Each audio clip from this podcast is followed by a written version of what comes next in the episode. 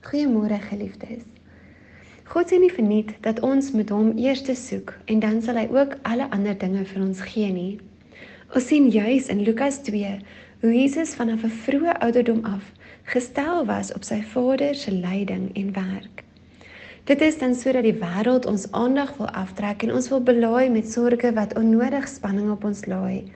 Van vroeg af met Jesus se geboorte was sy omstandighede op die oog af ook nie ideaal nie. Hy is gebore in 'n stil van alle plekke, neergelê in 'n dierekosbak.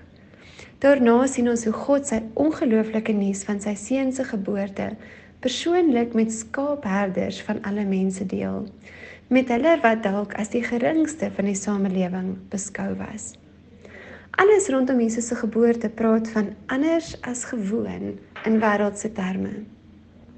Ons sien dan in die tempel hoe Simeon, 'n man van God, Maria nader en vir Jesus die lig van alle nasies noem wat vir die mens openbaring sou bring. Dit is dan juis hierdie openbaring oor God se koninkryk en wat vir God belangrik is wat Jesus vir die mens moes kom leer. Ons moes leer wat werklik saak maak en waarde het in God se oë. Hoe teenstrydig dit ook al met wêreldse denkwyses mag voorkom.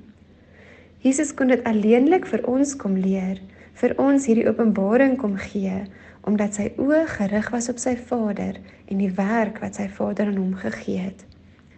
Dit is vir ons 'n groot uitdaging om ons patroon van dink en doen te verander deur nie slegs net die wêreldse wyse te volg nie, maar om ons oë gefestig op Jesus te hou en soos hy ons met God se werk te bemoei. Dan word ons ware disippels van Jesus, volgelinge wat soos hy in gehoorsaamheid sy Vader volg. Mag God jou help om te ontsnap uit wêreldse denkpatrone en jou oë gefokus hou op hom te midde van wat blyk na minder ideale omstandighede. Mag jy ook soos wat jy jou bemoei met God se werk, 'n lig word vir die nasies rondom jou.